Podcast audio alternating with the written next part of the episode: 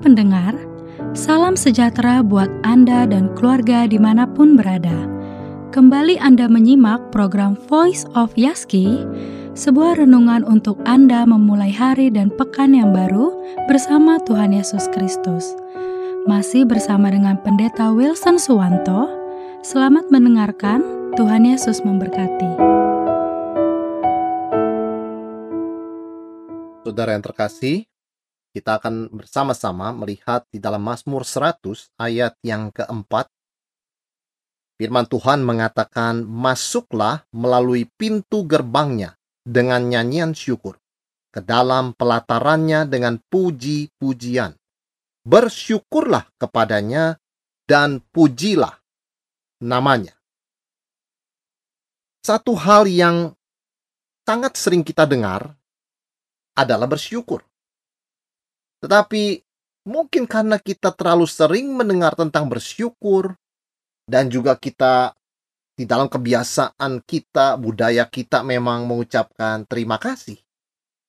Mungkin kita lupa atau mungkin kita tidak menyadari akan kedalaman spirit ucapan syukur itu. Apa itu mengucap syukur? Ada seorang ibu yang mau mengadopsi anak, dia sengaja datang ke panti asuhan anak-anak yang mempunyai disabilitas. Dan ada begitu anak, begitu banyak anak yang diadopsi. Hanya tersisa satu anak yang tidak ada orang yang selama ini datang mau mengadopsi dia. Dan itu disebabkan karena anak ini mempunyai kelainan di bibirnya sehingga dia tidak bisa berbicara. Maka ibu ini memutuskan yang banyak orang tidak mau, saya akan ambil jadi anak saya. Maka singkat cerita dia mengadopsi anak putri itu yang mempunyai kekurangan, mempunyai keterbatasan, disabilitas di bagian bibirnya, dan dia menjadikannya anaknya. Yang dia lakukan adalah dia mengambil, dia membawa anak itu kepada dokter yang baik yang bisa memberitahukan apa yang harus seharusnya dilakukan bagi anak tersebut. Singkat cerita, anak itu menjalani operasi sampai bibirnya itu pulih kembali dan dia bisa berbicara dengan jelas dan normal. Dan apa kalimat pertama yang dia katakan setelah dia bisa berbicara dengan jelas dan normal? Dia berkata, "Terima kasih, Mama." Terima kasih, Mama. Ucapan syukur. Apa itu ucapan syukur? Saudara yang terkasih. Ucapan syukur adalah sebuah respon alami terhadap Tuhan. Sebuah respon dari hati yang paling dalam secara spontan kepada Tuhan. Itu adalah ucapan syukur. Itu bukan sekedar kata-kata terima kasih atau aku bersyukur padamu, tapi lebih dalam dari sekedar kata-kata itu adalah sebuah luapan hati yang mengucap syukur, yang bersuka cita, yang sungguh-sungguh mengakui kebaikan Tuhan. Jadi ucapan syukur itu adalah respon alami terhadap Tuhan. Ketika kita menyadari betapa baiknya Tuhan. Dengan kata lain, ucapan syukur selalu ada dalam relasi dan koneksi dengan Tuhan. Kalau kita misalnya ke pesta, diundang ke sebuah pesta kawin dan kita duduk semeja misalnya dengan orang yang kita tidak kenal, tentu kita akan berbicara dengan hati-hati. Bahkan cenderung tidak terlalu banyak berbicara karena kita belum mengenal, kita takut salah berbicara atau mengucapkan kata-kata yang kurang berkenan. Dan sering kali terjadi ketika kita duduk dengan orang yang kita tidak kenal, tidak banyak pembicaraan di meja makan tersebut dan mau mulai pun rasanya berat. Tetapi tidak demikian dengan Tuhan. Ketika kita menyadari betapa Tuhan sangat mengasihi kita, melimpahi kita dengan segala kemurahan dan kebaikannya, maka kita bisa dengan otomatis mengucap syukur. Karena begitu banyak kebaikan Tuhan dan begitu banyak kita mengalami penyertaan dan perlindungan Tuhan. Nah, kalau kita melihat ke sekeliling kita, ke dalam diri kita, semuanya adalah pemberian Tuhan. Apa di dalam hidup kita ini? Baik di dalam diri maupun di luar diri kita. Yang bukan pemberian Tuhan. Tuhan telah memberikan segala-galanya. Tuhan telah lebih dulu berbuat yang terbaik, memberi yang terbaik, memberikan firman yang menghidupkan dan menyelamatkan kita. Sehingga ucapan syukur adalah sebuah respon kepada Tuhan yang telah memberikan dan melakukan segalanya yang terbaik untuk kita. Itu adalah esensi ucapan syukur. Ucapan syukur adalah sebuah respon. Artinya sudah lebih dulu ada kebaikan Tuhan, anugerah Tuhan, kemurahan Tuhan. Kita tidak mungkin mendadak bertemu orang lalu berkata terima kasih. Dan dia akan bertanya, terima kasih untuk apa? Tetapi tidak demikian dengan Tuhan. Ketika kita berkata terima kasih Tuhan, kita tahu Tuhan layak menerima puji-pujian dan ucapan syukur kita. Seperti firman Tuhan yang baru kita baca katakan, masuklah melalui pintu gerbangnya dengan nyanyian syukur. Karena sebelum kita sampai ke pintu gerbang Tuhan, Tuhan sudah melimpahi kita dengan segala kebaikan. Sehingga ketika kita datang ke hadapan Tuhan, maka hal pertama yang kita ucapkan adalah terima kasih Tuhan. Itulah entrance-nya, itulah pintu masuknya. Kita masuk dengan ucapan syukur. Itulah pembuka percakapan kita dengan Tuhan. Karena selama ini meskipun kita jauh dari Tuhan, Tuhan tidak pernah melalaikan kita. Tidak pernah meninggalkan kita, tidak pernah melupakan kita.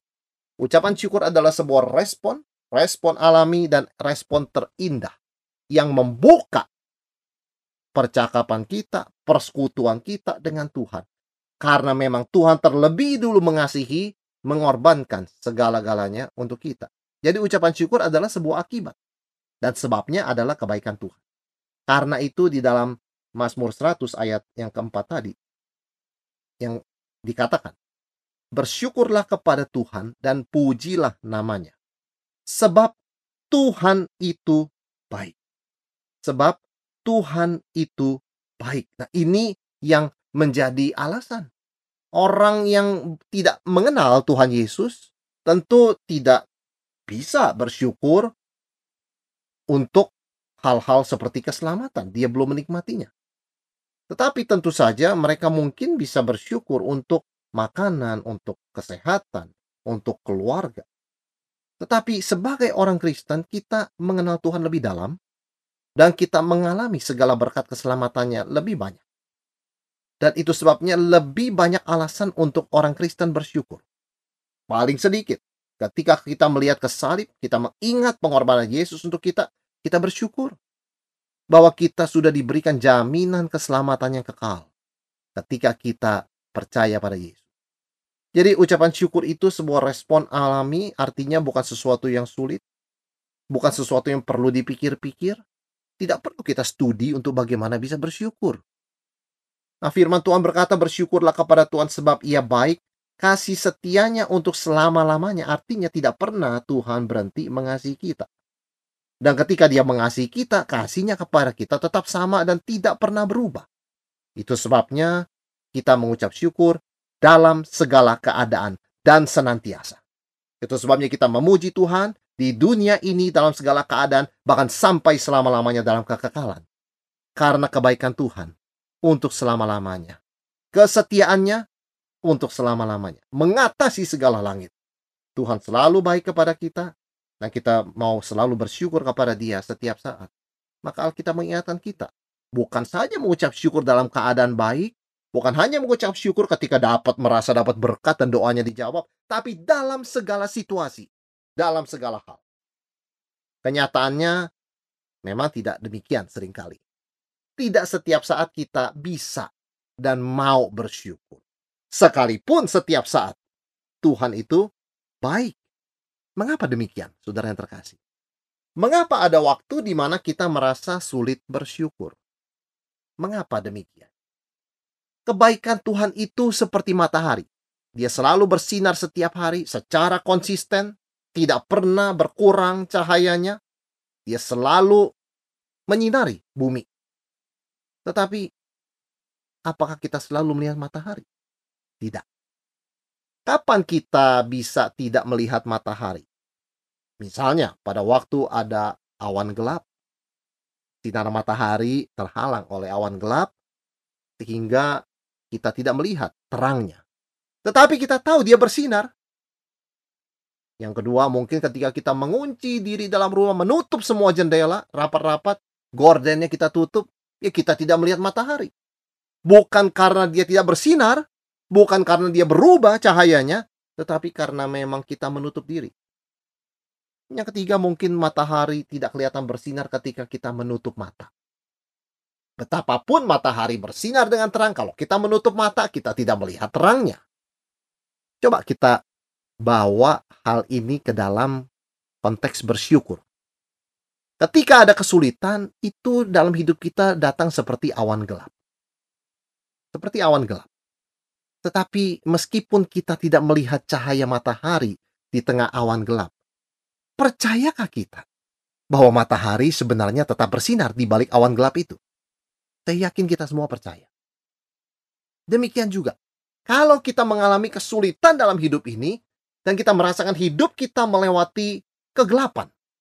Ada begitu banyak awan gelap di sekitar kita, menutupi kita. Dan apakah berarti kebaikan Tuhan, kasih Tuhan itu berhenti bercahaya pada kita? Tentu tidak. Iman kita, pengharapan kita, melihat melampaui awan gelap kepada cahaya di balik awan gelap itu yang tetap bersinar. Sekalipun mata kita tidak bisa melihatnya sekarang.